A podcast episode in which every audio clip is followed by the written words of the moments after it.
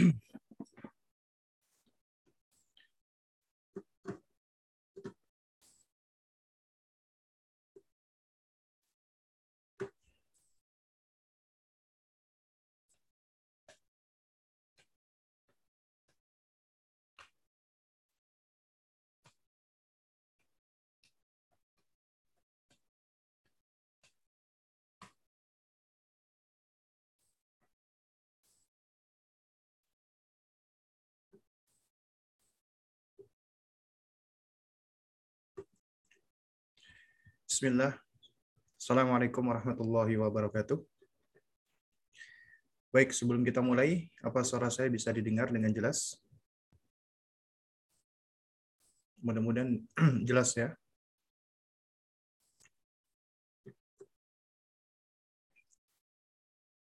Nah.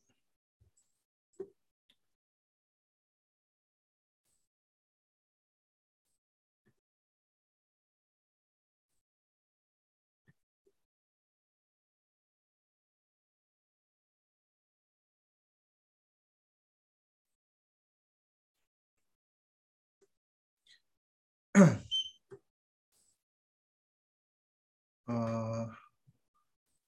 suara saya jelas ya? Coba saya buka. Oh jelas ya, baik. Oh, baik, kalau jelas kita mulai ya. Saya nggak tahu ini ada hostnya nggak atau langsung saja ini. Baik ya, karena sudah pukul 8 ya.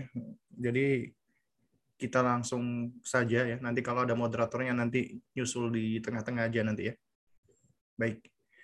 Uh, yang di layar juga sudah tampil ya. Slide-nya. Ya. Uh, Mudah-mudahan sudah tampil ya. Baik. Kalau gitu kita mulai. Innal hamdalillah nahmaduhu wa nasta'inuhu wa nastaghfiruh wa na'udzu billahi min syururi anfusina wa min sayyiati a'malina may yahdihillah fahuwal muhtad wa may yudlil falan tajid lahu waliyyan mursyida asyhadu an la ilaha illallah wahdahu la syarika lah wa asyhadu anna muhammadan abduhu wa rasuluh la nabiyya ba'dahu amma ba'du fa inna asdaqal kalami kalamullah wa khairal hadi hadi muhammadin sallallahu alaihi wa ala alihi wasallam wa syarrul umuri muhdatsatuha wa kullu muhdatsatin bid'ah wa kullu bid'atin uh, kiram ya para abah dan ummahat ya ikhwan dan akhwat rahimani wa rahimakumullah alhamdulillah. Kita bersyukur kepada Allah di malam hari ini kita diperkenankan untuk uh, bersua ya di webinar ya. Malam hari ini yang diselenggarakan oleh teman-teman dari Umas Show kalau nggak salah ya. Di mana di malam ini kita akan bicara tentang pijakan mendidik anak sesuai dengan fitrah ya dan ketika kita berbicara tentang pendidikan fitrah ini sebenarnya bahasannya bahasan yang panjang. Yang tentunya kita nggak bisa menyelesaikan bahasan ini dalam satu kali pertemuan atau lima kali atau sepuluh kali. Ya. Namun di malam ini kita akan berbicara sebagian dari pijakan-pijakan. Dan karena slide-nya cukup panjang ya jadi kita akan lebih banyak berbicara secara ringkas-ringkas saja insya Allah taala. Baru kemudian kita akan buka sesi tanya jawab. Baik. Jamaah sekalian mulakan Allah Subhanahu wa taala. Ya, mungkin pertama ya sebagai wawasan saja sebagai thaqafah. Ada tiga aliran utama di dalam pendidikan barat ya. Karena parenting sendiri istilah dari barat ya. Namun bukan artinya semua dari barat itu kita alergi, enggak kita langsung antipati tidak ya kita sebagai muslim kita harus bersikap wasat dan ilmiah objektif dan ilmiah. Tapi tentunya juga kita harus berhati-hati apabila itu adalah sesuatu yang berasal dari orang-orang non muslim atau orang-orang kafir. Ya tapi kehati-hatian tersebut tidak menyebabkan kita menjadi mudah untuk berantipati yang mudah untuk a priori. Tidak demikian. Dan di sini kita perlu ya sebagai wacana saja Sebenarnya banyak aliran utama pendidikannya, namun secara umum ada tiga. Pertama disebut dengan aliran pesimisme atau nativisme. Ya, aliran ini itu digagas oleh seorang ya bukan seorang ya, oleh uh, sejumlah orang di antaranya oleh Lombroso dan Schopenhauer ya. Nah, intinya teori pesimisme ini mereka berpendapat bahwa manusia itu ditentukan oleh hereditas, genetik. Ya, dan lingkungan atau pendidikan itu nggak besar di dalam mempengaruhi perkembangan manusia. Jadi kalau orang tuanya jahat, anaknya jahat. Orang tuanya baik, anaknya baik. Orang tuanya perampok, anaknya perampok. Ya jadi kurang lebih seperti itu. Nah, tentunya teori ini banyak yang menentang. Ya, di antaranya juga dari mereka sendiri, orang-orang barat. Muncullah aliran optimisme atau empirisme. Ya, mereka melakukan observasi dan mereka menolak konsep seperti ini. Nah, di antaranya ini digagas oleh seorang yang berkebangsaan Inggris bernama John Locke. Ya. Dan dia berpendapat bahwasanya ya tingkah laku atau human behavior itu apa dipengaruhi oleh yang namanya lingkungan, pendidikan dan pola asuh. Nah, menurut John Locke, anak itu dilahirkan seperti kertas putih yang kosong tidak ada isinya. Itulah disebut dengan teori tabula rasa. Nah, teorinya John Locke ini itu tidak benar secara mutlak dan tidak salah secara mutlak. Ya, nanti kita akan singgung. Ya, jadi tidak keliru secara mutlak dan tidak salah dan tidak benar juga secara mutlak. Jadi ada rinciannya. Kemudian muncul, muncul lagi aliran konvergensi ya yang menghimpun atau mengkombinasi aliran ini, kedua aliran ini, pesimisme dan optimisme. Ini digagas oleh seorang bernama William Stern. Ya menurut dia, ya human behavior itu ditentukan oleh dua faktor, yaitu hereditas dan juga faktor pendidikan atau pola asuh.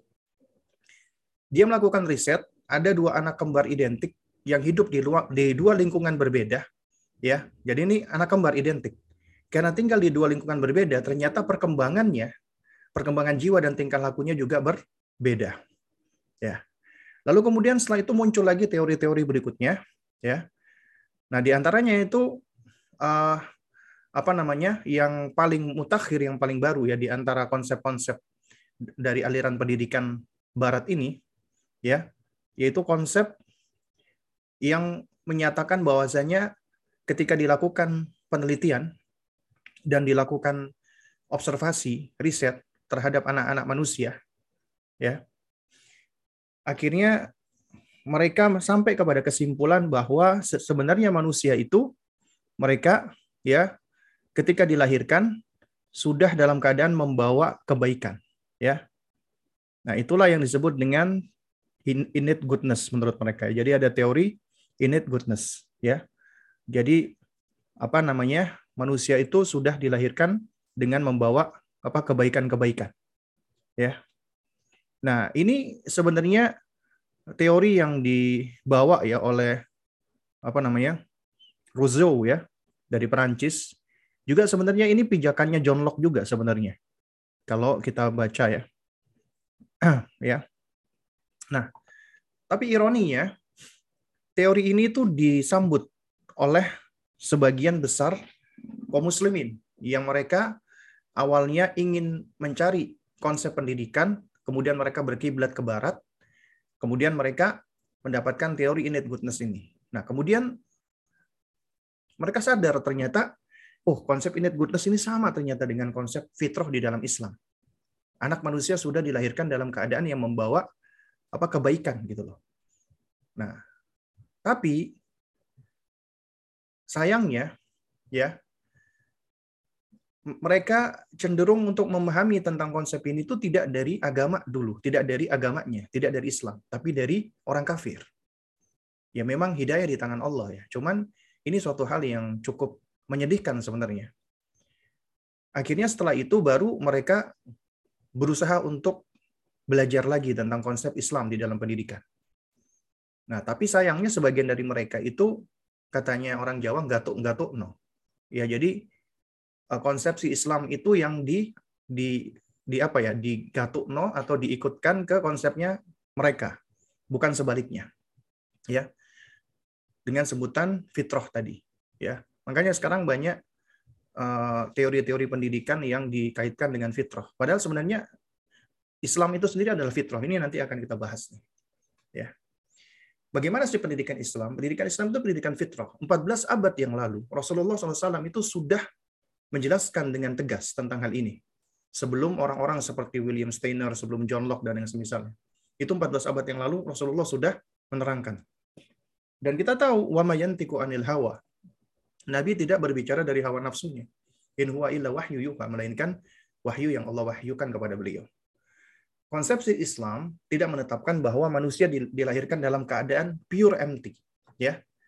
Kecuali dalam hal pengetahuan atau knowledge. Iya, manusia memang kosong dari ilmu. Dalilnya An-Nahl ayat 78. Wallahu akhrajakum min butuni ummahatikum la ta'lamuna syai'a. Allah keluarkan kalian dari rahim-rahim ibu kalian dalam keadaan kalian itu nggak punya ilmu sedikit pun. Nggak ada ilmu sedikit pun.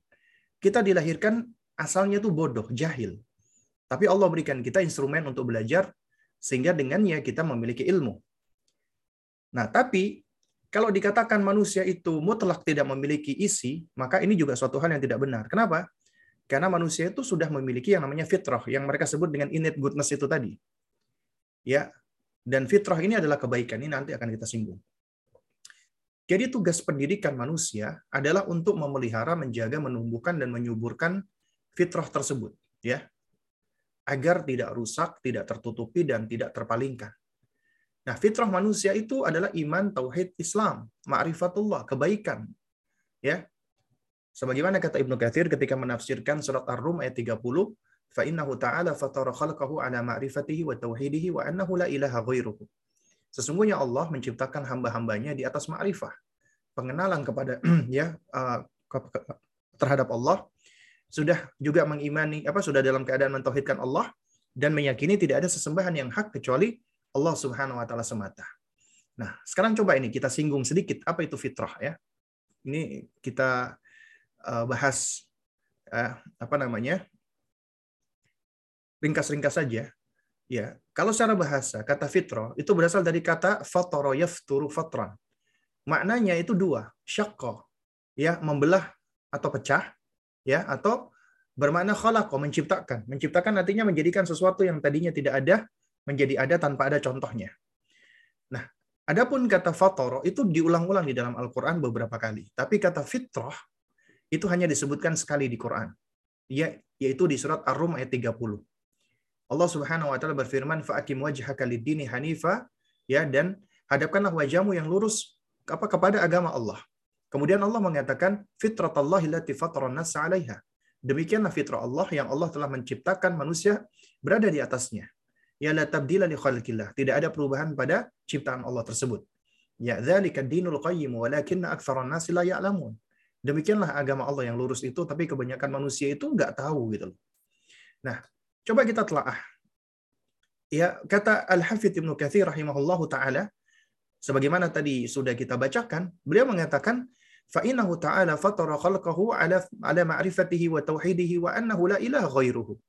Allah menciptakan semua makhluknya sudah dalam keadaan nih garis bawah ini mengenal Allah ma'rifatuh ya ala ma'rifatih sudah mengenal Allah sudah mentauhidkan Allah dan sudah meyakini tidak ada sesembahan yang hak kecuali Allah ya adapun firman Allah la tabdila li khalqillah makna maknanya ya tidak ada perubahan pada ciptaan Allah maknanya adalah annallaha sawa baina khalqihi ya kullihim fil fitrati alal jibillatil mustaqimah Allah menyamakan semua makhluknya dalam keadaan fitrah di atas pembawaan yang lurus.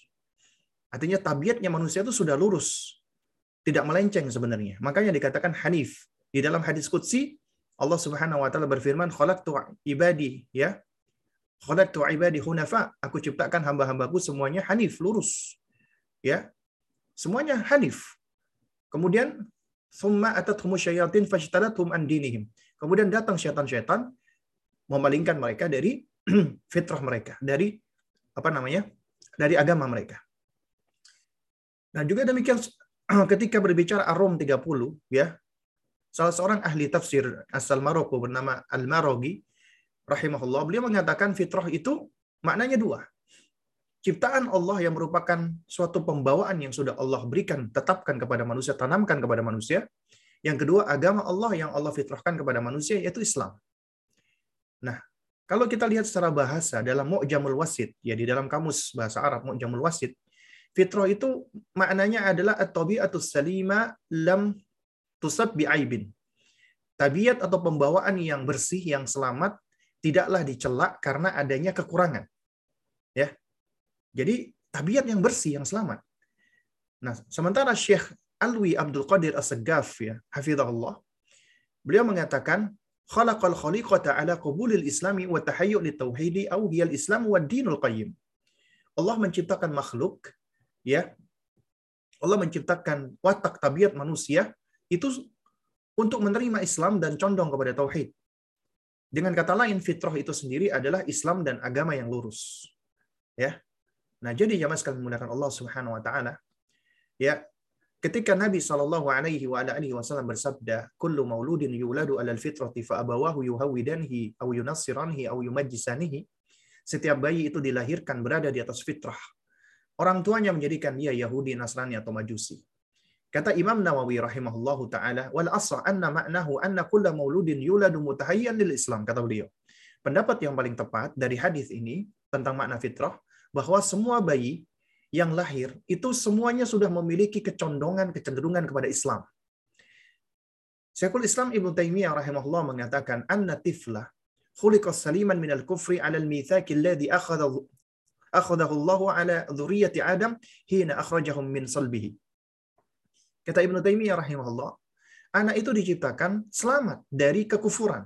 Gak ada yang diciptakan kufur, gak ada yang diciptakan syirik, gak ada yang diciptakan maksiat, gak ada. Selamat dari itu semua. Sebagaimana dengan perjanjian yang sudah Allah ambil kepada anak keturunan Adam alaihissalam sebelum Allah keluarkan dari sulbi mereka. Yaitu di dalam firman Allah Subhanahu wa taala, ya, wa id akhadha rabbuka min bani adama min dhuhurihim dzurriyyatahum wa ashhadahum ala anfusihim alastu bi rabbikum Qalu bala syahidna an taqulu yaumal qiyamati inna kunna an hadha ghafilin. Dan ingatlah ketika Rabbmu mengeluarkan keturunan anak-anak Adam dari sulbi mereka dan Allah mengambil kesaksian nih terhadap jiwa mereka. Allah berfirman, "Alastu bi rabbikum?" Bukankah aku ini Rabb kalian? Ya. Qalu mereka semua menjawab. Kita semua ketika itu menjawab ketika kita berada di alam roh, ya Bala syahidna. Iya ya Allah betul engkau Rabb kami. Kami saksi menyaksikan. Kami menjadi saksi atas hal itu. Kata Allah antakulu yaumal qiyamati inna kunna an hadha ghafilin. Ya agar nanti di hari kiamat kalian ini tidak lagi beralasan sesungguhnya kami adalah orang-orang yang lengah terhadap hal ini. Itu tentang tauhidnya, tentang keesaan Allah, tentang tauhid. Ya. Dr. Wahba Az-Zuhaili rahimahullah di dalam tafsirnya Al-Wajiz mengatakan ayat ini yaitu Al-A'raf 172 menunjukkan bahwa manusia itu sudah diciptakan di atas fitrah tauhid. Tapi kemudian fitrah ini dirubah-rubah oleh akidah-akidah yang rusak yang datang setelahnya. Siapa itu yang merusak? Tidak lain dan tidak bukan. Penyebab utamanya adalah orang tuanya. Makanya argumentasinya orang-orang musyrikin, orang-orang kafir, pengikut hawa nafsu, ya, dan juga yang suka mengamalkan amalan-amalan bid'ah, apa argumentasi mereka? Bal wajadna alaihi aba'ana. Kami dapatkan ini dari bapak-bapak kami, nenek moyang kami, kakek moyang kami, leluhur-leluhur kami. Allah ulang-ulangi ayat ini di dalam Al-Qur'anul Karim. Dalam rangka untuk menunjukkan ini loh argumentasi mereka. Argumentasi mereka adalah apa? Orang-orang musyrikin, orang-orang kafir dan pengikut hawa nafsu dan bid'ah, mereka itu argumentasinya sama. Kami dapatkan ini dari nenek moyang kami, dari kakek moyang kami, dari orang tua orang tua kami. Itu argumentasi mereka, ya awalau kana ya aba'uhum la yaqiluna syai'a. Meskipun orang tua mereka kakek moyang mereka itu tidaklah berakal sedikit pun ya. Atau bodoh jahil. Tapi dijadikan argumentasi. Ternyata orang tua lah yang punya peran besar merusak fitrah. Nah toib. Lalu bagaimana cara kita sebagai orang tua menjaga dan memelihara? Jadi dari sini kita sudah tahu nih bahwa tujuan kita mendidik anak kita tidak lain dan tidak bukan adalah untuk menjaga fitrahnya. Kenapa? Karena fitrah itulah yang sudah berada di atas Islam, iman, tauhid, ma'rifatullah. Sementara kita semua makhluk-makhluk Allah wa azza wa jalla ini Allah hadirkan di muka bumi ini tujuannya tidak lain dan tidak bukan adalah untuk beribadah mentauhidkan Allah. Ya. Jadi tujuan kita adalah memprepare anak kita agar siap menjadi hamba Allah. Dan Allah begitu baiknya sudah memberikan ya fitrah ini di dalam diri setiap anak manusia. Sehingga tugas kita adalah menjaga dan memeliharanya. Jadi di sini apa saya tidak akan banyak bicara tentang kiat ya, karena kiat itu berkaitan dengan how to. How to itu berkaitan dengan uh, hal-hal uh, yang praktikal. Yang praktikal itu ya tentunya berangkat dari pengalaman, observasi, dan yang semisalnya. Tapi kita bicara secara umum, yaitu dari sisi kaidah, pijakan di dalam agama kita. Bagaimana cara kita menumbuhkan fitrah? Makanya di sini ya saya lebih cenderung mempergunakan kata menumbuhkan, bukan menanamkan. Kenapa? Karena fitrah sudah ada di dalam diri manusia, majbulah. Ya sudah tertanam, Allah yang menanamkan. Tugas kita adalah menumbuhkan. Ibaratnya kata Abu Hamid Al-Ghazali rahimahullah, orang tua itu seperti petani. Ya. Yang namanya petani, dia hanya bisa mengupayakan menyediakan tempat pertumbuhan yang baik, dibersihkan dari kotoran-kotoran, dari hama, dari gulma, itu tasfiyah. Baru kemudian dipelihara dan dijaga, dipupuk, disirami, diperhatikan apa cahaya matahari dan seterusnya. Dipelihara dengan sebaik-baiknya. Itulah tugas kita sebagai orang tua. Nah, pijakan pertama nanti kita bahas ini yang namanya menumbuhkan fitrah itu adalah dengan cara at-tarbiyatu bil hikmah, mendidik anak dengan hikmah. Yang kedua adalah bil qudwah dengan teladan. Yang ketiga bil mau'izatil hasanah dengan nasihat yang baik. Yang keempat bit ta'widi ya alal khairi dengan mendidik anak dengan pembiasaan di atas kebaikan. Kemudian bin nidhami wal ihtimam dengan aturan dan atensi atau perhatian dan kemudian bitarghibi wa tarhibi dengan motivasi dan ancaman, baru kemudian bithawabi wal ukubah dengan reward and punishment. Nah, ini yang akan kita bahas pada malam hari ini. Mudah-mudahan waktu kita cukup ya. Baik, jamaah sekalian mulakan Allah, kita masuk mendidik dengan hikmah. Ini sebenarnya sudah sering ya saya sampaikan. Jadi saya nggak akan banyak mengulang ya. Bagi teman-teman yang baru belajar atau baru tahu, nanti mungkin bisa di search ya di apa di YouTube ataupun yang lainnya. Intinya, kata Al-Hafidh Ibnu Qayyim rahimahullah, hikmah itu punya tiga syarat. Ya, sebagaimana definisi yang beliau berikan. Fi'lun mayam bagi. Melakukan sesuatu dengan benar. Artinya yang kita lakukan harus benar. Kita nggak bisa melakukan benar kecuali ada ilmunya. Berarti harus ada ilmunya. Kemudian yang kedua, alal wajhil ladhi yang bagi. Dengan cara, metode yang tepat. Artinya, ya suatu ilmu itu ketika hendak disampaikan atau di, diutarakan atau dilakukan, maka harus ada caranya, metodenya. Seakan-akan ada kurikulumnya, ada torikohnya, ya, agar bisa menjadi benar caranya itu. Kemudian fil waktillah yang, yang bagi di waktu yang tepat. Artinya lihat momen timingnya. Nah, ada tiga rukun hikmah, yaitu seseorang tidak dikatakan hikmah kecuali dia punya ilmu.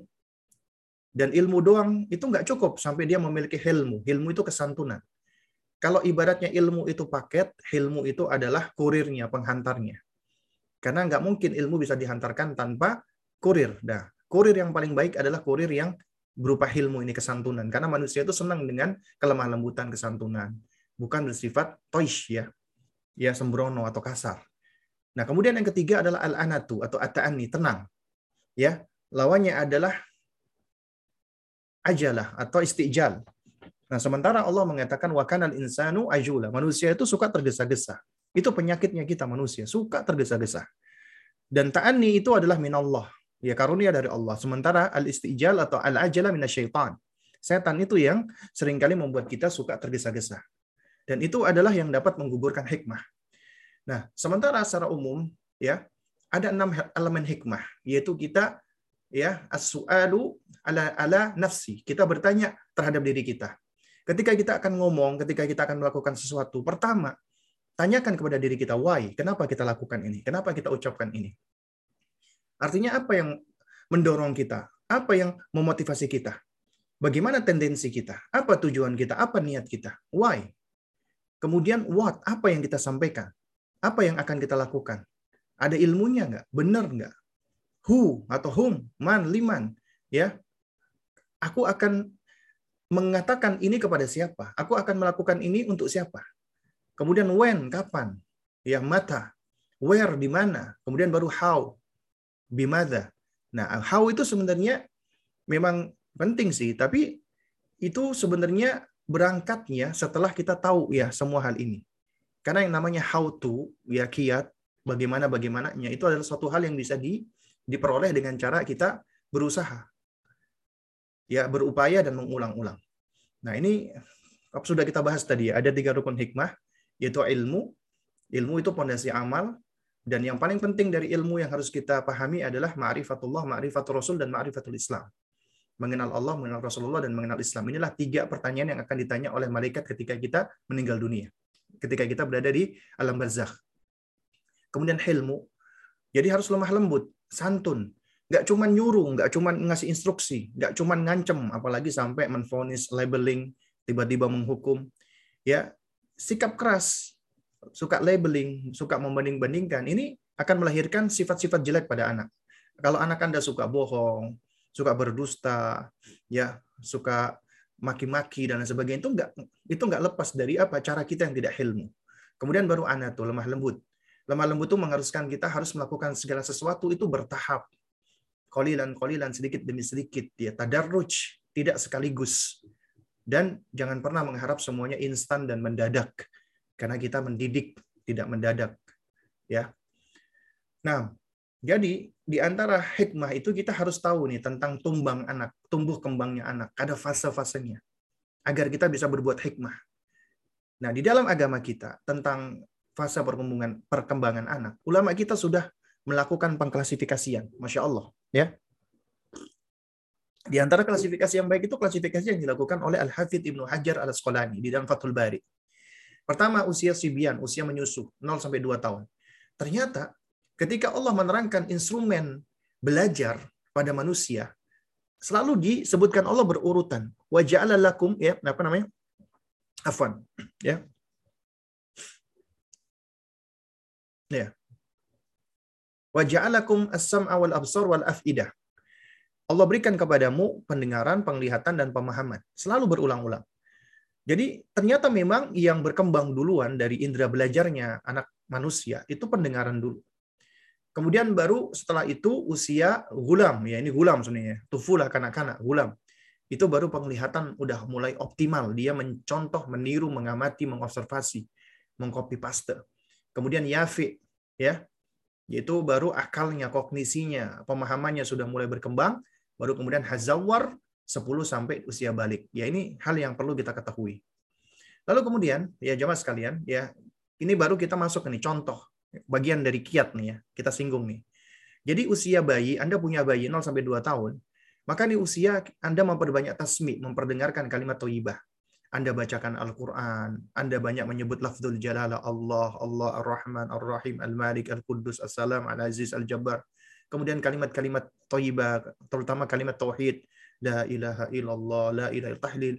Kemudian zikir-zikir ya, tasbih subhanallah, Allahu akbar, alhamdulillah, astaghfirullah. Anda biasakan. Ya, perdengarkan berulang-ulang, itu bermanfaat buat anak.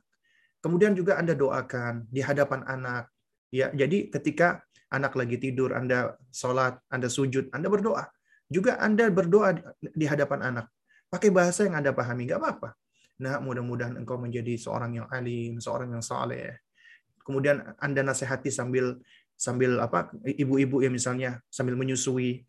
Mudah-mudahan engkau akan menjadi orang-orang yang berguna orang-orang yang berbakti ya. Jadi sudah terbiasa dia dengan kalimat-kalimat baik. Kemudian di usia gulam ya jadi dia sudah mulai berkembang nih juga apa kemampuan berbicaranya. Maka perbanyak talqin sama seperti tadi tasmi tapi ini sekarang kita minta dia mengulang-ulangi perkataan kita. Terutama kalimat tauhid nih la ilaha illallah ulang-ulangi. Kemudian talqin dengan surat-surat pendek al-fatihah al-ikhlas an-nas al-falaq al-kautsar dan seterusnya. Ya tapi pelan-pelan ya satu persatu. Kemudian zikir-zikir dan doa-doa pendek. Kemudian mulai ajarkan adab. Cara pengajaran adab nanti akan kita bahas ya di di apa di slide berikutnya. Jadi kurang kurang lebihnya harus bertahap. Kemudian berikan kudua, ini penting sekali. Kaidah di dalam pendidikan nanti juga akan kita singgung di slide berikutnya. Kemudian Afan. Kemudian ya ajarkan pondasi daripada semua semua hal yaitu tauhid. Ajarkan tauhid rububiyah, uluhiyah dan asma wa sifat. Ini pun juga ada bahasannya. Kemudian di usia yafi 7 sampai 10 tahun ya. Maka ini kita sudah mulai masuk untuk menstimulasi anak-anak kita dengan jalan logika, dengan apa rasionalitas. Ya, mulai dengan ma'rifatullah, ya setelah sebelumnya kita fokus untuk mendidik hati di usia yafi, maka kita mulai lagi untuk menstimulasi ya dengan cara mengajak dia untuk mengobservasi ciptaan Allah dengan metode tanya jawab, ya soal wa jawab, murojaah, berkisah. Kemudian dorong motivasi dia untuk ibadah dan kenalkan sejumlah ibadah. Wudhu, sholat, doa, ya. Kemudian menghafal dan tadabur sejumlah ayat-ayat Al-Quranul Karim. Kemudian di usia hazawar 10 sampai tahun apa sampai balik ya, maka udah lebih kenalkan lagi lebih detail tentang Allah dari observasinya tanya jawab murojaah menjelaskan nama dan sifat-sifat Allah yang sempurna dan ini sudah boleh diancam-ancam anak di usia ini 10 tahun untuk menumbuhkan khauf jadi boleh diancam dan boleh diberikan hukuman karena Nabi SAW mengatakan wadribuhum alaiha wahum abna'u ashrin pukul mereka kalau nggak salah di usia 10 tahun ya kemudian juga ya dorong mereka untuk menghafal dan tadabur lebih intens Al-Qur'an dan kita melakukan pendekatan dengan mereka itu sebagai sahabat ya. Nah, lalu kemudian kita masuk ke uh, pijakan yang kedua. Tadi pijakan yang pertama apa? Mendidik dengan hikmah. Sekarang mendidik dengan teladan, dengan uswah. Ini kaidah pendidikan yang penting. Karena anak-anak kita belajar pertama kali itu dengan cara muhakah kata para ulama kita. Muhakah itu mimikri, meniru. Ya. Nah, oleh karena itu Anda harus mengawali ya dari diri Anda sebagai orang tua. Ya, Anda harus paham tentang peran Anda sebagai orang tua. Artinya Anda harus ya jujur, tulus ya. Kemudian jangan lupa anak itu adalah hasil berdua. Sebab Allah menghadirkan anak Anda adalah dari Anda dan istri atau Anda dan suami. Karena itu harus ada kerjasama, ta'awun. Jaga keharmonisan, jaga apa kekompakan.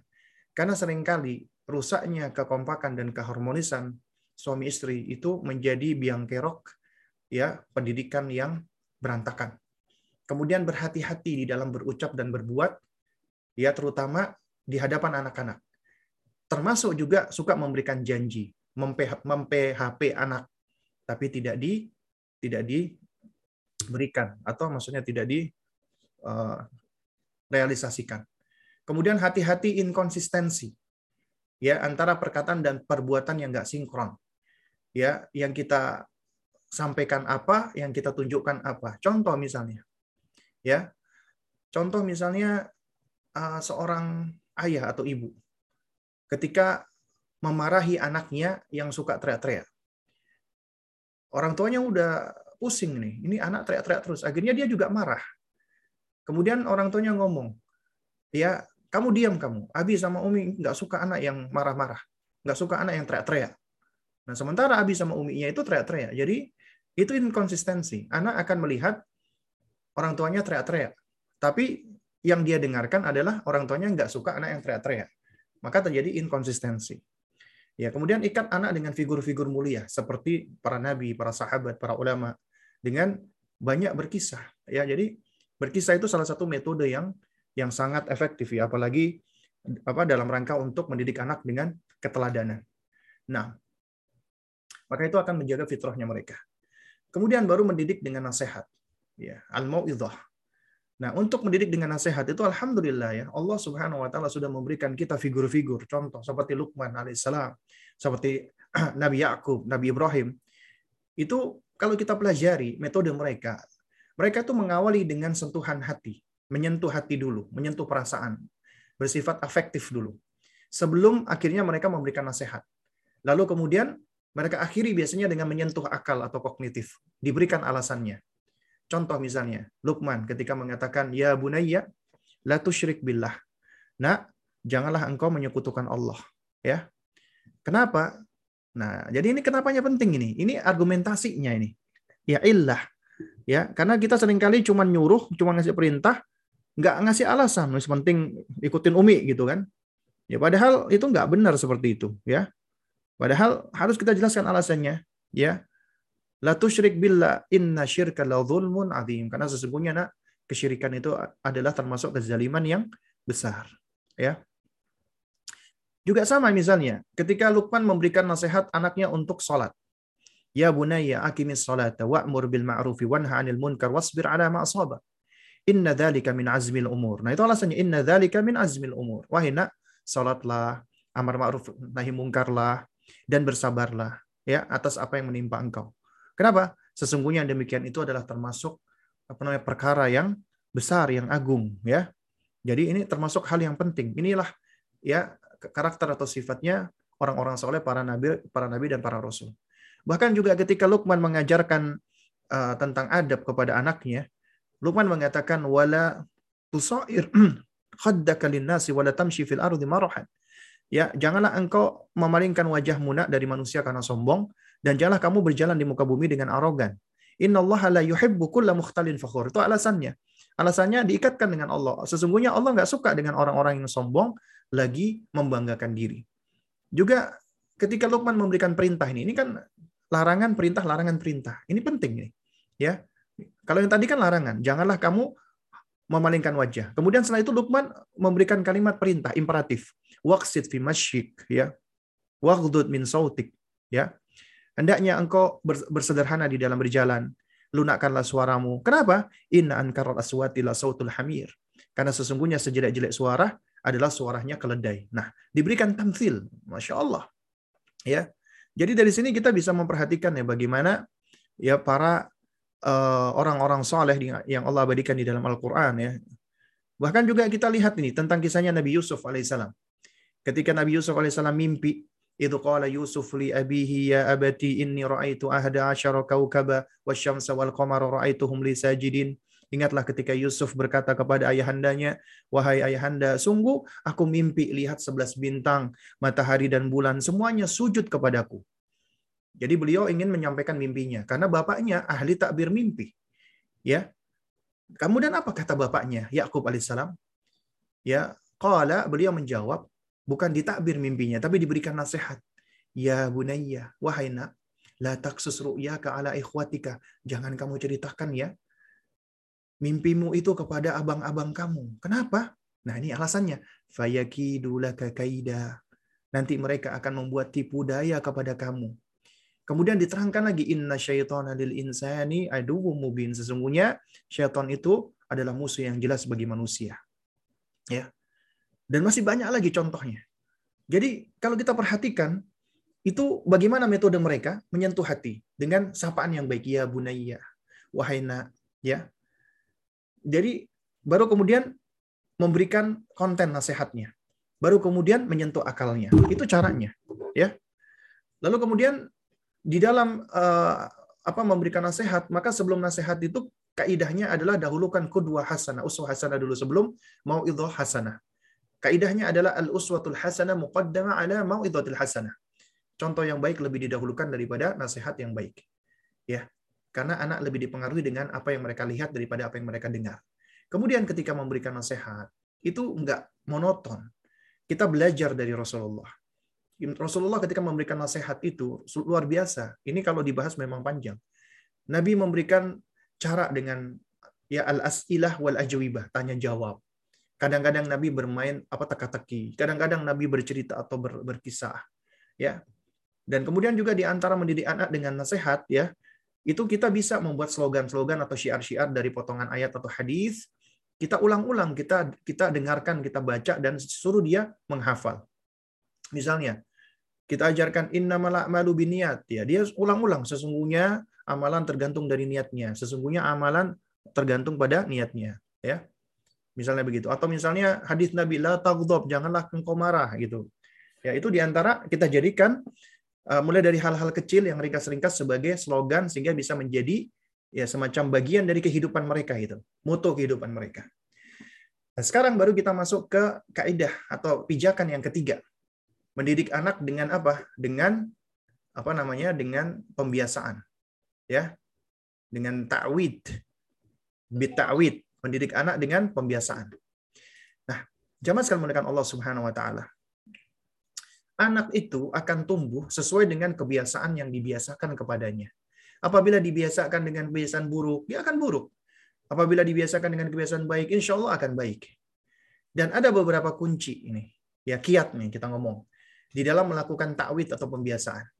Pertama, kuncinya adalah tahbibuhum.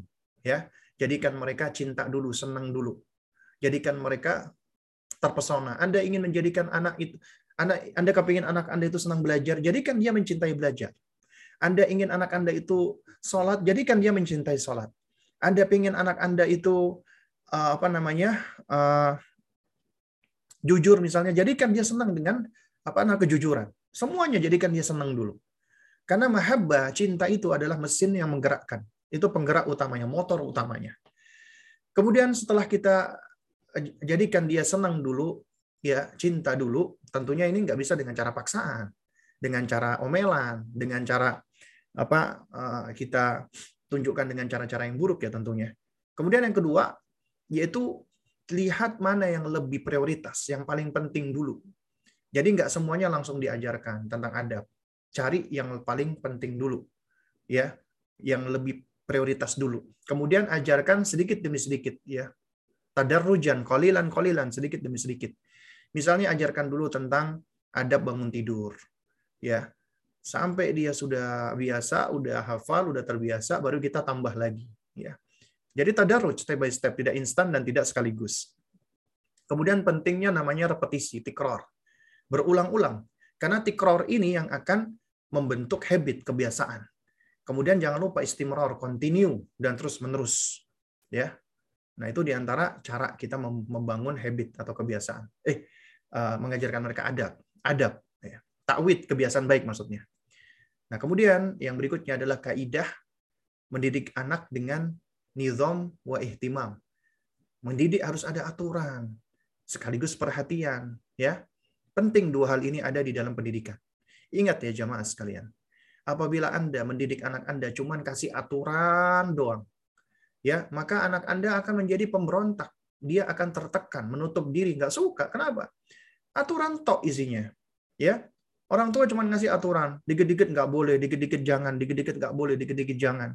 Anak jadinya apa? Kehilangan kreativitas, menjadi pasif, bahkan cenderung untuk memberontak ya tamarrud. Sementara ada orang tua yang cuma ngasih perhatian, nggak pernah ngasih aturan. Ya, cuman apa namanya memanjakan anak aja. Artinya apa yang anak menjadi nggak tahu aturan, berantakan, kacau, dan selalu bergantung pada orang tuanya, nggak punya kemandirian. Oleh karena itu harus ada aturan dan atensi, nizam wa ihtimam, agar anak menjadi disiplin, bertanggung jawab, dan memiliki respect. Kemudian aturan itu penting. Saat Anda ingin membuat aturan, jangan dibuat sendiri, libatkan dan sertakan anak. Karena ketika Anda melibatkan anak, akan bermanfaat. Anak akan belajar mengungkapkan keinginannya, kemauannya, perasaannya, pendapatnya. Dan dia akan tahu apa yang dia inginkan, yang dia mau, yang dia rasakan. Dan kemudian dia belajar untuk mengungkapkannya. Kemudian Anda juga akan belajar bernegosiasi. Ini life skill ini. Dia akan belajar bernegosiasi dan bersepakat. Ya, dia juga akan belajar berkomitmen, bertanggung jawab, dan konsisten. Dia juga akan belajar konsekuensi, dampak, dan implikasi dari pilihannya. Dan dia akan belajar untuk mengalah dan menerima. Itu penting. Ya. Kemudian kaidah berikutnya, ya kita ringkas-ringkas aja ya. Yaitu mendidik anak dengan targhib wa tarhib, motivasi dan ancaman. Ini juga termasuk cara untuk menjaga fitrahnya anak. Ya, karena secara asal nih kaidahnya, kalau kita ngomong tentang motivasi dan ancaman, itu ternyata kaidah di dalam pendidikan agama atau pendidikan uh, Islam itu adalah at-targhib muqaddam ala tarhib. Yang namanya motivasi itu lebih dikedepankan, lebih lebih didahulukan daripada ancaman. Apa dalilnya? Dalilnya banyak. Di antaranya adalah hadis tentang perintah salat. Muru auladakum bis salati wa hum abna'us sab'in. Perintahkanlah anakmu untuk salat di usia tujuh tahun. Kata muru, perintah itu berarti kita mengajarkan anak dan memotivasi mereka untuk salat. Wadribuhum 'alaiha wa hum abna'u ashrin. Pukul mereka kalau nggak salat di usia 10 tahun. Berarti di usia 10 anak sudah boleh diberikan hukuman. Sebelum diberikan hukuman diancam dulu gitu loh. Ya nggak langsung diberikan hukuman. Nah, jadi kita harus memperhatikan fase usia anak nih ya usia tufulah nih tadi ya gulam 2 sampai 7 tahun jangan kita melakukan pendekatan dengan ancaman-ancaman apalagi takhwif nakut-nakutin anak. Nggak boleh itu. Apalagi kita nakut-nakutin anak dengan Allah. Kamu nanti dimarahin Allah kamu nanti ya dihukum Allah disiksa Allah dimasukkan neraka kamu nanti. Ya jangan nakut-nakuti anak tentang Allah. Kenapa? Itu akan membangun gambaran dia ya apa kata eh, para ulama yaitu akan membentuk ya apa namanya aswar al-mur'ibah gambaran yang menakutkan terhadap Allah. Kok Allah itu jahat ya? Kok Allah itu sadis ya? Kok Allah itu gini ya? Itu ngerinya tuh seperti itu. Kalau kita udah nakut-nakutin anak ya dengan Allah. Termasuk nakut-nakutin anak dengan selain Allah juga nggak boleh Apalagi dengan setan, dengan jin, dengan makhluk halus. Apalagi dengan ayahnya. Ayo kamu nanti Abi laporin Abi kamu. Biar dimarahin sama Abi kamu. Anak itu jadi malah takut dengan abinya. Atau malah profesi dijadikan sebagai alat untuk ngancem. Ayo kamu nggak nurut sama Umi, Umi bawa ke dokter besok. Ya supaya kamu disuntik. La ilaha illallah ya. Itu suatu hal yang nggak baik. Kenapa sih orang tua cenderung ngancem-ngancem? Karena nggak sabaran, kepengen cepet, kepengen instan merubah anak gitu loh. Karena menurut orang tua, shortcutnya jalan pintas, anak ini nggak nurut sama kita. Apa yang kita lakukan? Kalau nggak ngomelin, marahin, maksa, ngancem. Udah itu. Padahal anak tufulah nggak, nggak seharusnya ya diancam-ancam dan takut-takutin. Karena itu adalah fase mereka untuk dibentuk mahabbatullah. Mahabbatullah nggak bisa dengan cara kasar. Ya, itu yang ada mereka akan lari nantinya. Manusia itu cenderung untuk menjauhi objek yang dia takuti. Anda takut sama monyet misalnya, Anda takut sama kecoa. Ada nggak kira-kira Anda apa namanya mendekati monyet dan kecoa? Nggak akan. Karena itu makanya ketika Anda ingin membangun rasa takut anak, harus diawali dengan mahabbah dulu, cintanya dulu kepada Allah. Agar rasa takutnya itu takut yang khasya, yang benar. Takut takut dari ilmu, takut dari pengagungan, takut dari cinta. Takutnya itu bukan menyebabkan orang menjauh, tapi malah mendekat takut yang sifatnya segan. Ya. Bukan takut yang membuat orang menjadi lari gitu loh. Kemudian di usia Yafi 7 10 tahun sampai 10 itu kita fokuskan, kita prioritaskan dan kita tekankan untuk memberikan motivasi, dorongan dan alwaat janji-janji balasan dari Allah. Seperti surga, kebaikan, pahala. Agar anak terbentuk, apa yang dia lakukan ini adalah mengharap balasan dari Allah. Raja. Kemudian baru di usia hazawar 10 sampai 15 atau 14 atau balik baru boleh diberikan ancaman sesuai dengan kebutuhan. Boleh ditakut-takuti dengan siksa Allah. Boleh kita ceritakan kisah-kisah orang-orang yang menentang Allah. Azabnya Allah, hukuman Allah begitu pedih. Boleh di usia 10 tahun. Jangan dibalik. Masih tiga tahun, 4 tahun udah diceritakan tentang apa azabnya Allah Subhanahu wa taala. Jangan, ya. Kemudian sampaikan ayat dan hadis yang berisi balasan bagi kebaikan dan ancaman ya bagi keburukan. Jadi kita uh, selalu berusaha untuk membawakan dalil ya. Dalil kita itu Al-Qur'an dan sunnah. Ya, nah. Kemudian yang berikutnya adalah mendidik anak dengan reward and punishment ya. Ini uh, kita udah menuju ke bagian akhir dari slide kita. Dengan sawab wa iqab, reward and punishment. Tapi ingat di sini ada kaidahnya.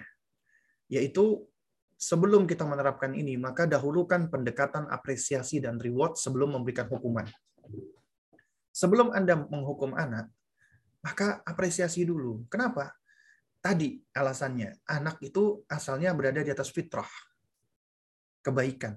Anak berarti nggak ada yang buruk, nggak ada yang jelek, nggak ada yang nakal. Nggak ada. Kenapa dia buruk, jelek, dan nakal? Karena terpengaruh oleh lingkungan. Niru-niru, atau dia mencontoh Karenanya ketika anak berbuat keburukan bisa jadi karena dia belum tahu itu buruk gitu loh. Karena dia belum tamis. Makna tamis itu artinya adalah anak yang sudah bisa yumayizu bainas shawab wal khata, mana yang baik, mana yang buruk, mana yang benar, mana yang salah, mana yang berbahaya, mana yang bermanfaat. Itu anak mumayyiz. Umumnya anak-anak yang belum mumayyiz ya, terutama di bawah tujuh tahun belum ngerti. Sehingga ketika dia melakukan kesalahan itu asalnya dia belum tahu karena dia memang asalnya manusia jahil bodoh. Anak kita demikian juga kita belum tahu karenanya sebelum diberikan hukuman ya kita pastikan dulu dia udah ngerti nggak. Makanya didahulukan nasihat ditegur dulu dengan cara baik.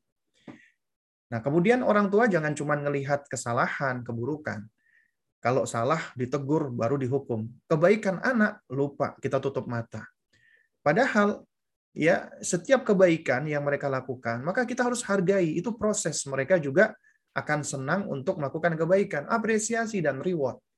Dahulukan ini sebelum kita memberikan hukuman. Kemudian di dalam menilai, menfonis, menghukumi, kaidahnya adalah bedakan antara fiil dengan fa'il, antara perbuatan dengan pelaku. Harus dibedakan. Karena kaidahnya tidaklah setiap orang yang jatuh kepada keburukan maka dia langsung dicap orang yang buruk. Ini kaidah sering kali didengang-dengungkan oleh ulama kita. termasuk di dalam bab fonis seperti takfir, tabdi atau taksik. Menfonis orang kafir, ahli bid'ah ataupun fasik. Harus hati-hati gitu Nggak boleh sembarangan. Kaidahnya adalah laisa kullu man waqa'a fil bid'ah waqa'at al bid'atu alaihi. Tidaklah setiap orang yang jatuh ke perbuatan bid'ah langsung difonis dia ahli bid'ah. Demikian pula tidaklah setiap orang yang jatuh kepada kekufuran langsung difonis dia kafir. Demikian juga tidaklah setiap orang yang jatuh kepada kemaksiatan langsung dicap dia ahli maksiat. Nah, demikian pula ketika anak kita misalnya jatuh kepada kesalahan, dia mencuri, jangan dicap kamu pencuri. Ya. Atau misalnya dia berbohong, dasar kamu pembohong. Ya. Atau langsung kita cap dengan cap-cap dasar anak nakal, anak kurang ajar. Itu yang malah semakin merusak anak. Ucapan kita memang tidak setiap ucapan itu doa ya. Ya. Jadi kalau ada yang mengatakan setiap ucapan doa itu itu kurang pas. Ya. Tapi ucapan itu dapat mempengaruhi. Ya. Makanya Nabi mengatakan ya inna minal bayani sihra. Sesungguhnya ya di antara pengaruh bayan penjelasan itu mengandung sihir, dapat dapat menyihir orang, dapat memukau, dapat menghipnotis. Ya. Karenanya ketika orang tua begitu mudahnya menfonis anaknya, dasar kamu anak bodoh, ya, padahal orang tua itu cuma kesel doang dikatakan bodoh. Ini akan tersimpan di dalam memorinya dia akan membangun konsep dirinya adalah anak yang bodoh. Kalau gitu ngapain aku belajar? Ya. Orang aku bodoh kok, aku udah dicap bodoh. Nah, itu sangat berbahaya sekali gitu. Juga anak misalnya udah dicap dasar kamu anak nakal. Ya berarti dia langsung udah membenarkan bahwasanya dirinya nakal. Berarti dia bebas dong untuk berbuat perbuatan-perbuatan nakal. Karenanya harus berhati-hati di dalam menfonis, menghukumi. Jadi kalau kita misalnya ingin ingin menasehatin anak yang melakukan kesalahan, maka luruskan perilakunya, perbuatannya. Umi, nak, nggak suka dengan perbuatan kamu mencuri. Mencuri itu termasuk dosa. Umi benci dengan mencuri. Abi juga benci dengan perbuatan mencuri. Nah, karena itu Abi sama Umi sayang sama kamu. Abi sama Umi nggak kepingin kamu menjadi pencuri. Ya, jangan kamu ulangi lagi nak ya, jangan mencuri nak. Abi sama Abi sama Umi sayang sama kamu. Ya seorang muslim tidaklah sepatutnya mencuri. Nah, seharusnya demikian. Jangan langsung dasar kamu pencuri kamu. Abi sama Umi kurang apa? Kok bisa-bisanya kamu mencuri? Oh, dasar tukang colong kamu. Bisa kita marah-marah gitu loh. Menghukumi apa menghukumi mereka, menfonis mereka. Itu berbahaya. Kemudian juga ketika memberikan hukuman sebagaimana reward, itu juga bertingkat dan bervariasi. Nggak bisa disamakan, digebiah uya, digeneralisir. Karena setiap perbuatan itu ada jenisnya. Ada jinsul amal namanya, jenis perbuatan. Dan itu bertingkat-tingkat dan berbeda-beda. Ada juga sang pelaku. Sang pelaku itu juga juga apa tergantung dengan usianya, kemampuan bernalarnya, kondisinya. Karena itu makanya nggak bisa kita langsung menerapkan dengan begitu saja. ya. Maka kita harus lihat sesuai dengan kondisi. Dan ini mengharuskan kita juga harus berilmu, kita hikmah.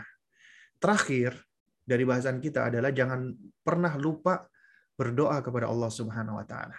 Ya. Jangan pernah lupa berdoa. Kalau Anda benar-benar sayang dengan anak Anda, maka jangan pernah melupakan untuk kita melangitkan doa-doa kebaikan bagi anak kita. Karena sejatinya kita nggak sanggup menjadikan anak kita itu baik. Kita nggak sanggup menjadikan anak kita itu soleh. Kita nggak sanggup untuk menjadikan anak kita itu seperti yang kita inginkan. Siapa yang sanggup? Allah. Karena itu makanya titipkan kebaikan dan kesolehan anak kita itu kepada Allah. Sembari kita berusaha dan berikhtiar mengambil sebab akhdul asbab. Ya, doa dan banyak doa-doanya. Kita boleh mengambil doa yang ada di dalam Al-Qur'an, Robbi habli minas salihin misalnya. Atau kita boleh mengambil doa-doa dari hadis-hadis Nabi SAW. Atau kita boleh juga berdoa, misalnya kita mengambil dari doa doanya orang-orang soleh ya, yang indah, yang baik. Asalkan jangan kita anggap itu sebagai sunnah dan jangan kita senantiasakan, kita dawamkan terus-terusan. Nanti dikhawatirkan itu seperti sunnah. Boleh kita baca ya Kemudian juga boleh kita berdoa dengan bahasa yang kita pahami, dengan bahasa kita, bahasa Indonesia. Malah itu kalau misalnya lebih menjiwai akan akan akan lebih baik gitu loh. Ya, daripada membaca doa-doa yang sudah ada tapi ternyata nggak ngerti yang dibaca apa, ya. Atau kurang begitu menjiwai. Ya. Nah, jadi di antara doanya adalah ya Rabbi as'aluka minal khairi ma ta'lamu bihi anta wa la a'lamu bihi ana. Wahai Rabbku, aku meminta kepadamu kebaikan yang engkau ketahui sementara aku nggak tahu. Wa a'udzu bika min kulli syarri ya min kulli ya apa namanya? syarri ta'lamu bihi anta wa la a'lamu bihi ana. Dan aku berlindung kepadamu dari keburukan yang engkau tahu sementara aku tidak mengetahuinya. Ya, was'aluka tsabat. Aku meminta kepadamu keteguhan wasidqa, kejujuran wal iman, iman dan amal saleh. Ya.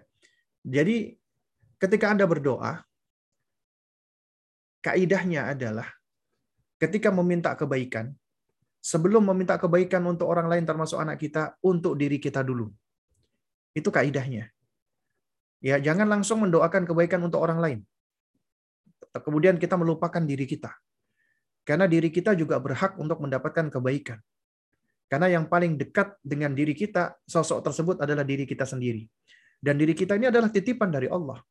Allah titipkan kepada kita untuk kita jaga. Karena yang harus kita jaga dan kita pelihara pertama kali diri kita. Itulah sebab Allah berfirman, Ku anfusakum wa ahlikum naro. Jagalah dirimu pertama kali, baru kemudian keluargamu. Makanya diajarkan selalu doa, itu tidak melupakan diri kita. Robbi ghufirli wali wali daya. Ya, jadi untuk diri kita terlebih dahulu baru kemudian orang-orang kita yang terdekat. Kemudian ketika berdoa jangan lupa untuk mengawali dengan memuji Allah, bertahmid, bersyukur atas karunia Allah. Kemudian juga jangan lupa haknya Rasulullah bersolawat. Kemudian jangan lupa beristighfar, mohon ampun kepada Allah. Karena kita banyak kesalahannya, banyak dosanya. Ya, Baru kemudian kita menyampaikan hajat kita. Jangan langsung tiba-tiba minta, Ya Allah, tolonglah aku ya Allah. ya itu adabnya adalah kita menyanjung Allah dulu. Ya Allah, ya Robku. Engkau adalah penolongku. Satu-satunya yang bisa menolongku adalah engkau. Tidak ada satupun makhluk yang bisa menolongku kecuali engkau. Ya, dengan pujian-pujian dulu. Jangan langsung doa, ya Allah, bantulah aku, amin, selesai. Ya. Ya ini bukannya uh, apa namanya terlarang secara mutlak enggak, tapi kurang adab gitu loh terhadap Allah kita ini menghadap Allah, meminta kepada Allah, maka harus punya adab dong gitu loh. Karenanya di antara sebab uh, mustajabahnya doa kita adalah kita memegang adab dan beradab ketika berdoa. Wallahu taala alam sawab ya. Mudah-mudahan yang sedikit ini bisa memberikan manfaat ya. Ini udah pas pukul 9. Untuk berikutnya uh, mungkin ada tanya jawab ya. Jadi coba saya perhat saya lihat dulu di sini di chat ya. Ya. Mudah-mudahan ada sudah ada pertanyaan. Juga bagi teman-teman yang ingin bertanya langsung juga silakan ya bisa raise hand. Nah. Toyib. Toyib, di sini udah ada beberapa pertanyaan ya. Ya kita dulukan dulu deh yang raise hand ya. Sepertinya udah ada moderatornya ya. Apa Ustaz? Ya Ustaz. Oh, nah. Tadi uh, di sini baru selesai sholat tadi, Sat. Oh, nah, toyib. Ahlan wa sahlan. Uh, ini ada udah ada ini start ringkas beberapa pertanyaan yang ini yang mungkin cocok di tema kita Sat. Atau Anda bacakan aja Sat. Boleh, boleh. Ini pertanyaan pertama Sat dari Femi. Uh, Assalamualaikum warahmatullahi wabarakatuh.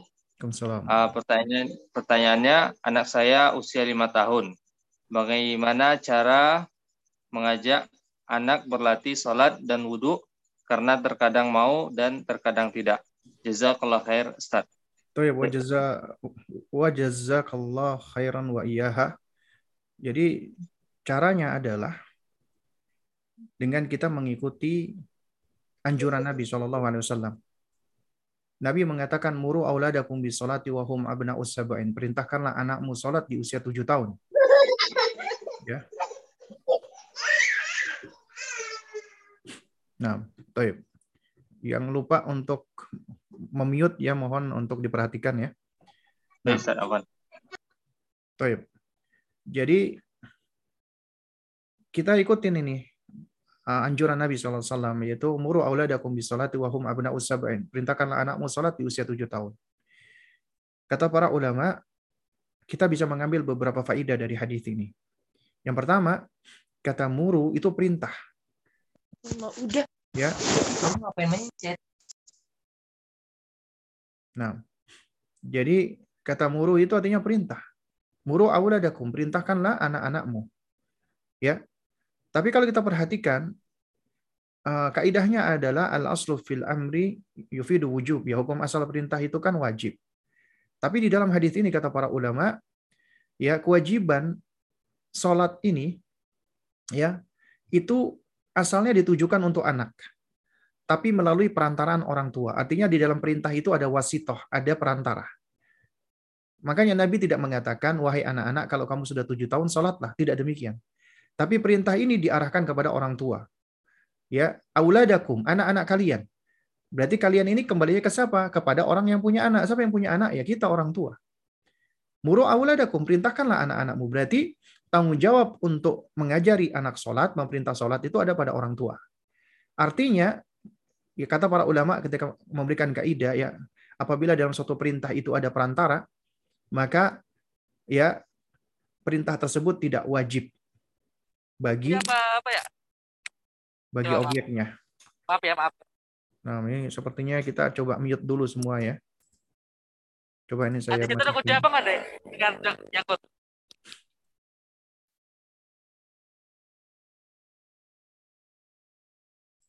Nah, Toyib ya. Jadi ini uh, dihitungkan dulu ya. Kita matikan dulu mute-nya. Soalnya kadang-kadang banyak yang nggak sadar nih. Jadi uh, inilah di antara makanya kajian-kajian online itu ya. Banyak di antara kita itu yang memang sulit untuk bisa apa namanya? untuk bisa berpegang dengan adab ya. Beda ketika kita ngaji langsung di masjid ya ataupun ketemu karena ketika online seperti ini kita nggak tahu ya. Ya orang-orang belajar itu ada yang sambil main game, ada yang sambil makan, ada yang kadang-kadang nggak pakai baju atau yang semisalnya. Ya. Dan sebenarnya barokah dan manfaat dari ilmu itu juga apa sejauh mana kita ini beradab terhadap ilmu tersebut. Ya. Nah, kita lanjutkan lagi ya. Yang berkaitan dengan masalah apa namanya? Eh, mendidik anak untuk sholat tadi, ya. Jadi sebenarnya perintah itu asalnya ditujukan untuk anak, tapi ada ada perantaranya kita. Artinya anak itu nggak wajib sebenarnya untuk sholat. Ketika mereka meninggalkan sholat berarti mereka tidak berdosa. Tapi Nabi memberikan perintah kepada kita orang tua untuk mengajari mereka sholat. Memerintahkan mereka sholat. Berarti itu kewajiban bagi kita orang tua. Berarti kita berkewajiban untuk untuk apa? Untuk Um, mendidik dan mengajari mereka sholat. Meskipun sholat masih belum wajib bagi mereka. Dan itu di usia tujuh tahun. Bagaimana dengan usia di bawah tujuh tahun? Usia di bawah tujuh tahun berarti secara zahir hadis ini, maka sebenarnya anak nggak perlu diperintah. Tapi bukan artinya dibiarkan, tidak. Berarti itu kesempatan bagi kita untuk membangun pondasi. Pondasinya apa? Sebelum Anda mengajarkan mereka sholat, maka Anda ajarkan dulu mereka pondasi daripada sholat, yaitu akidah, tauhid, ma'rifatullah, mahabbatullah, mencintai Allah dan kelak dia insya Allah akan mencintai salat. Dia akan akan mencintai ya Al-Qur'an, dia akan mencintai semua yang Allah Subhanahu wa taala perintahkan. Ya. Jadi kuncinya adalah membangun mahabbatullah terlebih dahulu. Kemudian yang kedua, kita contohkan. Ya, karena orang tua ini adalah sosok yang sebenarnya paling berpengaruh terhadap anaknya. Sebagaimana ya ucapan para salaf dahulu ya inna apa namanya uyuna auladikum ma'qudatun bi'ainika wal hasanu indahum ma fa'alta wal qabihu indahum ma tarakta. Sesungguhnya pandangan-pandangan mata mereka itu anak-anakmu itu terikat dengan kamu. Karena itu apa yang engkau kerjakan eh karena itu yang baik menurut mereka apa yang engkau kerjakan yang buruk apa yang engkau tinggalkan. Makanya kita tunjukkan kita sholat di hadapan mereka, kita apa perlihatkan, kita contohkan. Kemudian setelah itu kita jelaskan, kita terangkan. Kamu tahu nggak nak, kalau Umi tadi itu ngapain? Umi tadi sholat. Kamu tahu nggak nak, kalau sholat itu kita sedang berbincang-bincang dengan Allah, kita sedang berbicara dengan Allah. Ya kita ajarkan konsepsi, ya kalau kita belajar dari metode Lukman, kita menumbuhkan rasa syukur kepada Allah dan konsepnya syukur adalah wa may yashkur fa innama nafsihi. Siapa yang bersyukur sejatinya dia bersyukur untuk dirinya. Karena kita ajarkan Allah nggak butuh dengan syukur kita, Allah nggak butuh dengan ibadah kita, Allah nggak butuh dengan sholat kita. Karena pendekatan kita sering kali kita mengatakan, kenapa kita sholat? Karena Allah memerintahkan sholat. Memang benar Allah perintahkan sholat. Tapi ini jawaban yang kurang adequate ya, yang kurang yang kurang apa namanya memadai untuk anak-anak ya, bahkan juga untuk orang dewasa. Kenapa? Karena seakan-akan ketika Allah perintahkan Allah butuh. Padahal Allah nggak butuh dengan ibadah kita dengan sholat kita. Tapi kita yang butuh untuk beribadah dan sholat, kita yang butuh untuk mendekat kepada Allah. Karena kita lemah, kita butuh pertolongan Allah di antara bentuk cara kita untuk mencari pertolongan Allah dengan kita mendekat kepada Allah dengan sholat. Ya, Allah juga banyak memberikan kita nikmat. Di antara cara kita untuk mensyukuri nikmat adalah dengan kita beribadah, dengan kita sholat. Ya, itu caranya pelan-pelan kita ajarkan. Ya, dan nggak usah tergesa-gesa. Dan kita hindarkan cara-cara paksaan, apalagi masih lima tahun. Ya, intinya adalah kita ingin membangun imaji positif. Ya, apa namanya?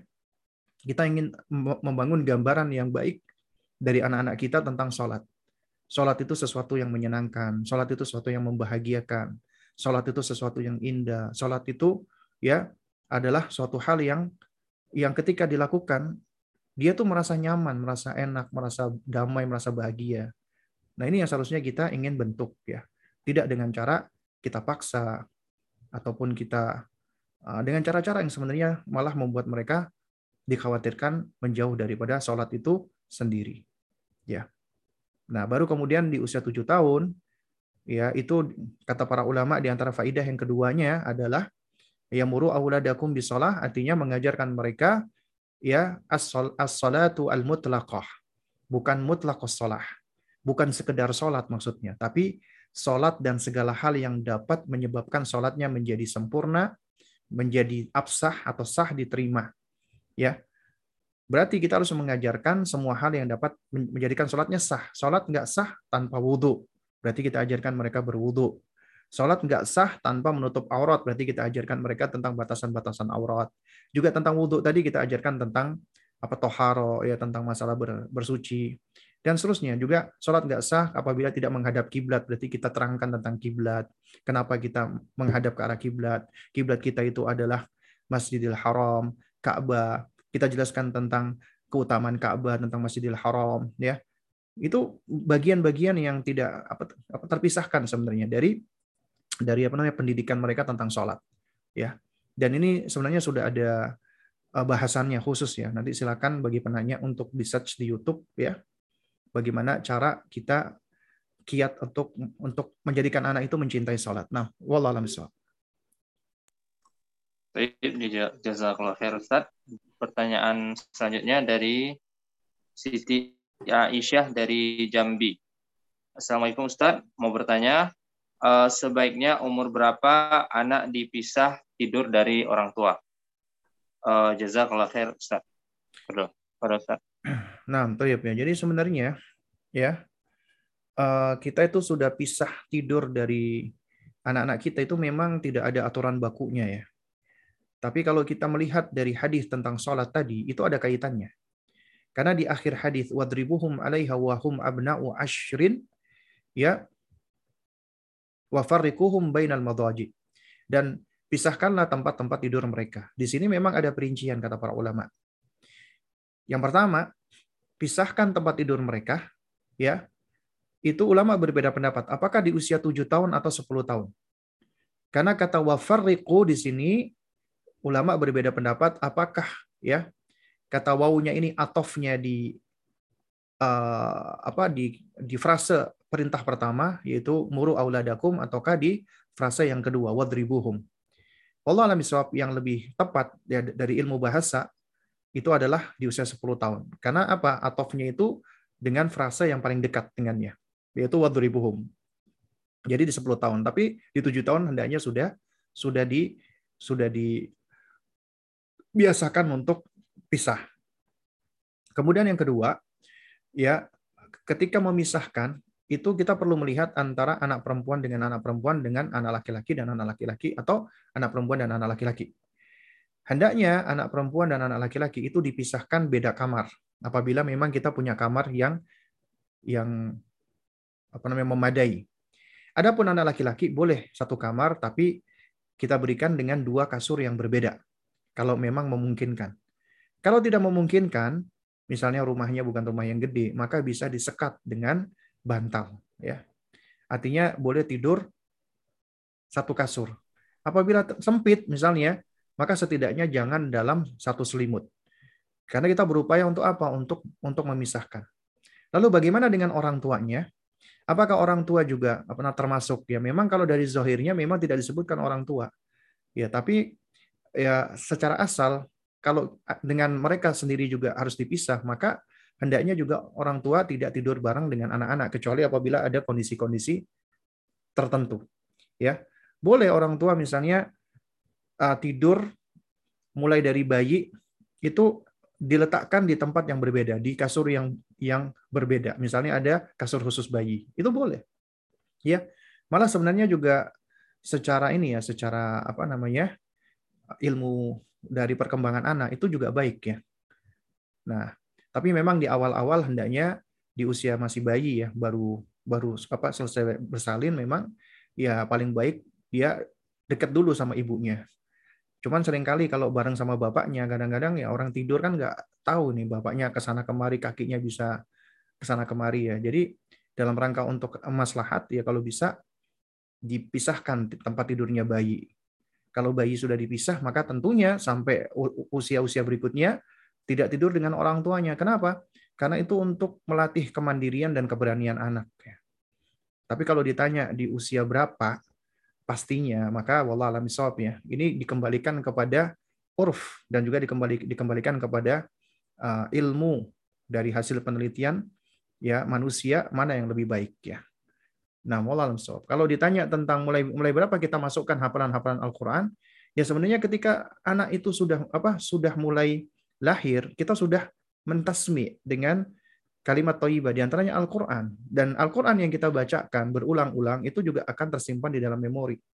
Berarti kita sudah mengajarkan mereka menghafal menghafal itu ya katanya kan apa dari kata al-hifdz ya. Al-hifdz itu itu bukan cuma menghafal tapi juga menjaga menjaga Al-Qur'an. Nah, wallahu Ya, mungkin kita berikan kesempatan nih kepada yang resen ini. Soalnya udah angkat tangan dari tadi ya. Oke, padahal yang yang angkat tangan uh, ya, Umu Rini, Umu Konita. Padahal silakan.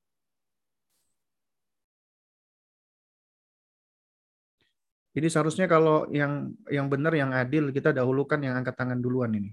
Dari apa Firda dulu nih. Firda Umu Umar. Nah. Halo, Assalamualaikum Ustaz. Waalaikumsalam warahmatullahi wabarakatuh. Uh, ya Ustaz, tadi terkait dengan materi yang apa sebentar Ustaz. Hmm, mendidik anak dengan aturan dan atensi. Uh, saya punya anak usia 2 tahun Ustaz. Uh, saat saya ingin memberikan dia aturan, saya ingin berdiskusi gitu sama dia. Cuma karena usia dia masih dua tahun, saat saya apa bertanya keinginannya dia, kemauannya dia, dan pendapatnya dia tuh kadang dia masih belum bisa untuk mengungkapkan gitu, Ustaz. Jadi uh, saya hanya meraba-raba dan membuat aturan aturan saya sendiri, tapi yang insya Allah itu tidak memberatkan dia. Itu gimana ya Ustadz? Apa mungkin Ustadz nah, ada baik. tips baik. supaya saya bisa apa sih uh, bisa berkomunikasi baik. sama anak anak usia dua tahun itu start. Ya. Nah baik ya, barakallahu ya. ya. Syukran ya. jazakallahu khair. Afwan wa jazakillah khair. Jadi yang perlu kita pahami bersama ya, kita perlu untuk membedakan antara anak usia sibian bayi dengan setelahnya usia gulam. Ya, usia bayi itu biasanya sampai mereka disapih. Ya, setidaknya dua tahun. Atau mungkin dua tahun kurang 18 bulan lah. Nah, itu kalau kita perhatikan ya metode yang diterangkan oleh para ulama dan para ahli pendidikan, usia dari uh, nol ya dari bayi sampai di usia dia disapih itu sebenarnya usia pembentukan habit sebenarnya dari orang tua ya. Membentuk atau membangun kebiasaan anak dari semenjak bayi sebenarnya ya jadi tidak dengan cara kita ini ya tidak dengan cara seperti yang saya sampaikan tadi itu kita ber, bersepakat sama anak karena karena memang belum usianya masih belum waktunya gitu loh Artinya yang paling tahu tentang kondisi mereka adalah kita orang tua. Ya. Dan lagian mereka juga belum mampu untuk berkomunikasi. Ya, artinya mereka belum mampu untuk bicara jelas ya. Jadi kita udah ngajak ajakin mereka ber, bernegosiasi dalam aturan adalah ketika mereka sudah ya minimal mereka sudah mampu untuk mengungkapkan perasaan, pikiran, gagasan, emosi dan yang semisalnya. Ya, tapi kalau masih masih belum bisa maka kita fokus dulu ke situ ya. Maksudnya agar anak itu sudah mampu untuk untuk untuk mengungkapkannya gitu loh. Itu yang menarik adalah Syekh Yusuf Muhammad Al-Hasan di dalam Al-Wajiz fi Tarbiyah. Beliau ketika menerangkan tentang mendidik anak usia bayi, itu sebenarnya ya ketika bayi lahir itu kondisinya kan memang apa random acak ya dia akan tidur kapan pun dia mau, dia akan buang air kapan pun dia mau, dia makan dan lain sebagainya. Artinya memang acak, random. Ya sesuai dengan kondisi tubuh dan seterusnya. Nah itu kata Syekh, itu sebenarnya sudah bisa dilatih. Orang tuanya sudah bisa melatih ya untuk membentuk waktu-waktu rutinitas kebiasaan.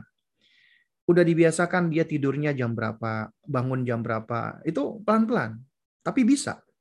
Misalnya ibunya menyusui anak itu memang ketika anak haus memang kita berikan minum, tapi itu bisa pelan-pelan kita bentuk. Jadi misalnya dia minum itu pas malam atau ada waktu-waktunya jam sekian. Agar apa? Supaya dia bisa tidur di jam sekian, bangun di jam sekian, kemudian dia bisa dimandikan di jam sekian. Kemudian juga secara apa namanya? Apa psikologi tubuhnya itu juga dia akan kurang lebih kita bisa estimasi dia akan apa ngempupnya jam berapa dan itu memang awalnya acak random, tapi pelan-pelan kita bisa. Dan kata Syekh Yusuf ini ini apa ternyata bisa dilakukan gitu loh dan banyak yang berhasil. Dan orang tua yang sudah membiasakan rutinitas atau habit seperti ini dari semenjak bayi, itu anaknya akan tumbuh lebih baik dalam hal intibat, dalam hal kedisiplinan. Tapi beda halnya dengan orang tua yang mengikuti polanya bayi. Seharusnya bayi itu mengikuti pola kita orang tua. Tapi ini mengikuti pola bayi. Artinya diikutin acaknya, randomnya, tanpa disadari oleh orang tua, ternyata random tersebut membentuk habit, habitnya anak itu malah malamnya nggak tidur, siangnya tidur. Atau paginya tidur gitu loh. Ya padahal kita berusaha ini supaya malamnya itu tidur, paginya dia mungkin kita ajak bermain keluar ya. Jadi kurang lebih seperti itu. Ya. Nah, jadi kalau kita sudah dari bayi sudah bisa kita bentuk ya pelan-pelan habitnya, maka tentunya untuk berikutnya kita bicara tentang aturan karena nggak lepas juga dari rutinitas itu bisa. Anak dua tahun bisa saja, misalnya kita sudah berikan aturan tentang makannya dia, ya misalnya makan dia kita larang banyak-banyak makan manis-manis misalnya, ya jadi jadi kita kita batasi. Kemudian misalnya ketika kita ajarkan mereka dari pelan-pelan ya apa toilet toilet training minimal dia bisa ngomong sama uminya. Umi umi aku empuk misalnya. Ya nah berarti kita apresiasi masya Allah. Kemudian kita ajak di kamar mandi meskipun dia masih belum bisa istinja belum bisa cebok kita kita pelan pelan ajarkan. Nah itu bagian dari ya kita uh, membuat aturan. Sebenarnya gini loh aturan itu nizam ya itu kita buat itu untuk untuk membentuk tadi membentuk keteraturan dan kedisiplinan. Adanya rutinitas yang baik gitu loh. Bukan sekedar aturan itu kita kita buat ini boleh ini nggak boleh ini boleh ini nggak boleh. Bukan cuma sekedar itu aja itu. Tapi itu memang memang bagian dari aturan dalam rangka untuk untuk apa kebaikan sang anak gitu loh. Jadi ya kalau sejauh pengetahuan saya anak dua tahun ya memang masih belum waktunya untuk diajak ya bersepakat dalam aturan Nah, kecuali di usia-usia setelahnya baru kita bisa ajak pelan-pelan ya.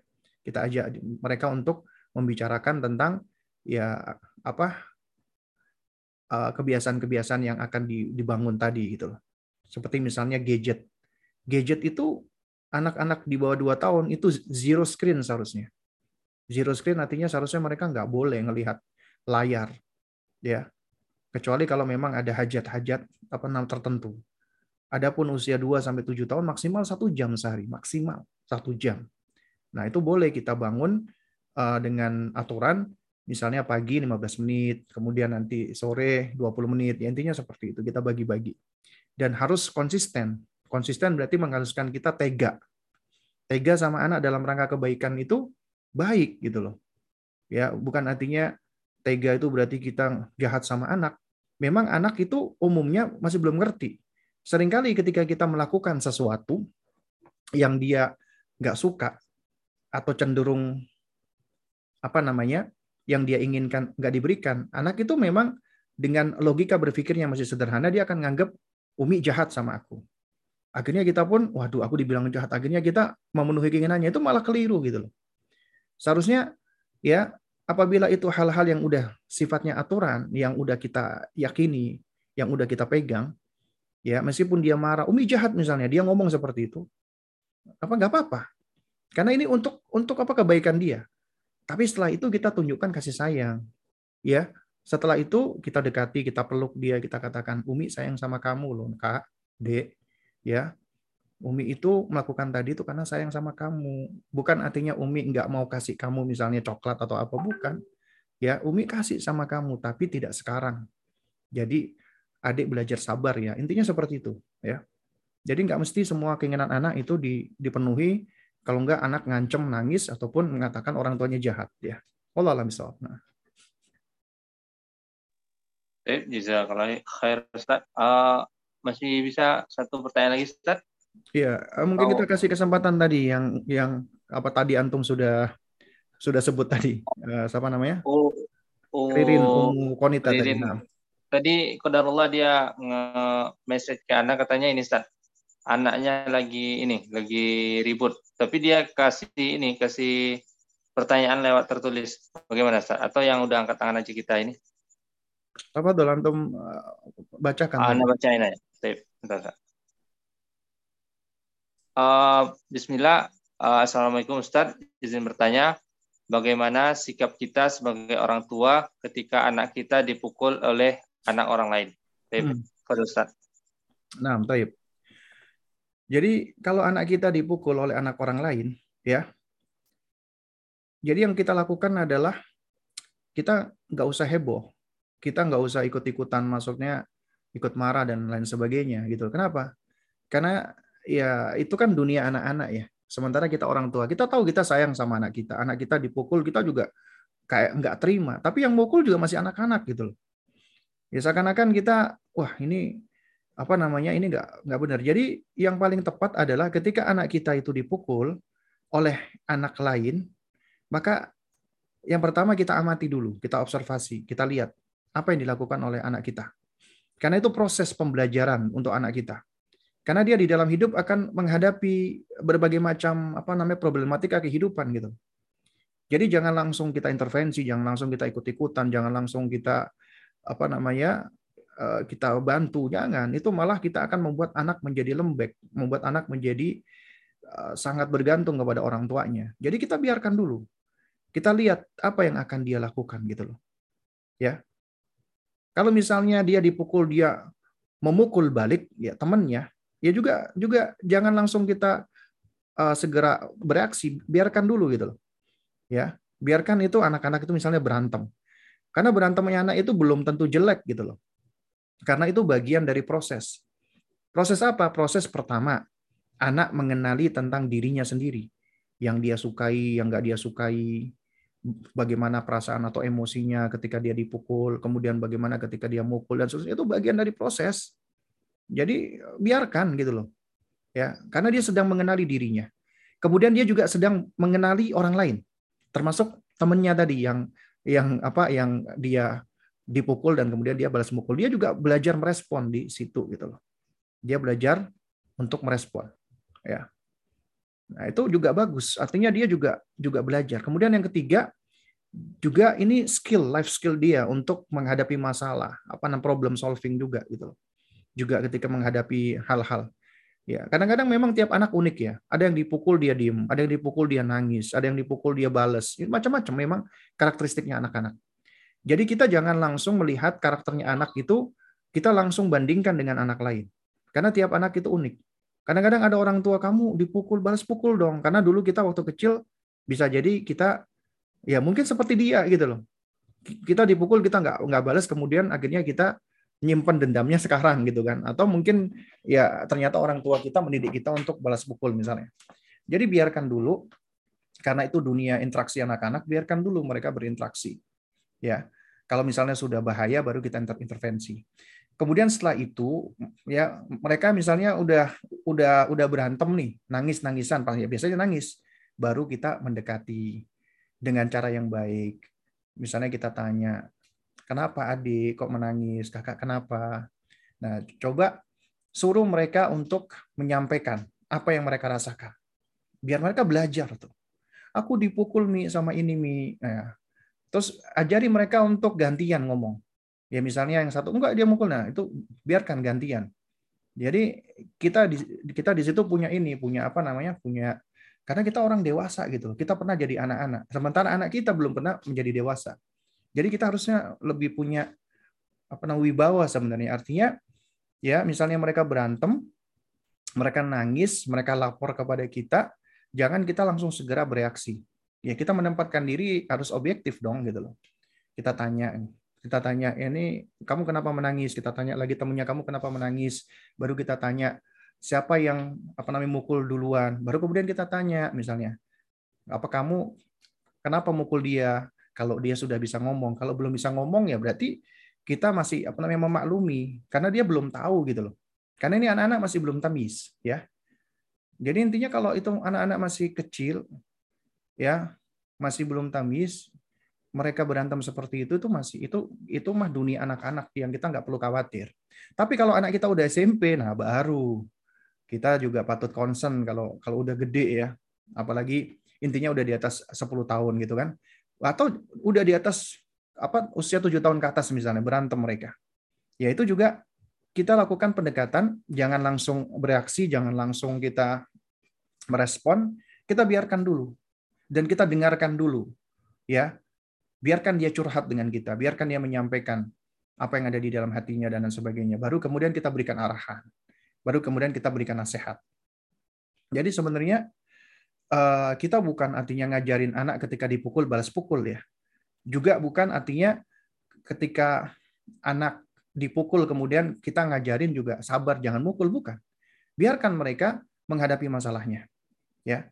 Karena kalau kita intervensi khawatirnya ketika mereka dipukul kemudian kita ajarkan untuk balas mukul itu mereka akan belajar juga bahwasanya kalau ada masalah berarti harus harus diselesaikan dengan dengan cara fisik. Atau misalnya ada anak dipukul kemudian kita bilang ya udah anak sabar ya nak jangan memukul. Itu juga akan mengajarkan anak bahwasanya uh, dia nggak perlu untuk apa namanya membela dirinya. Padahal kita perlu mengajarkan dia dia itu adalah uh, sosok anak yang bernilai dan berharga yang harus dia pahami dan ketika dia dibegitukan seharusnya dia merasa marah, kecewa dan dan seterusnya gitu loh.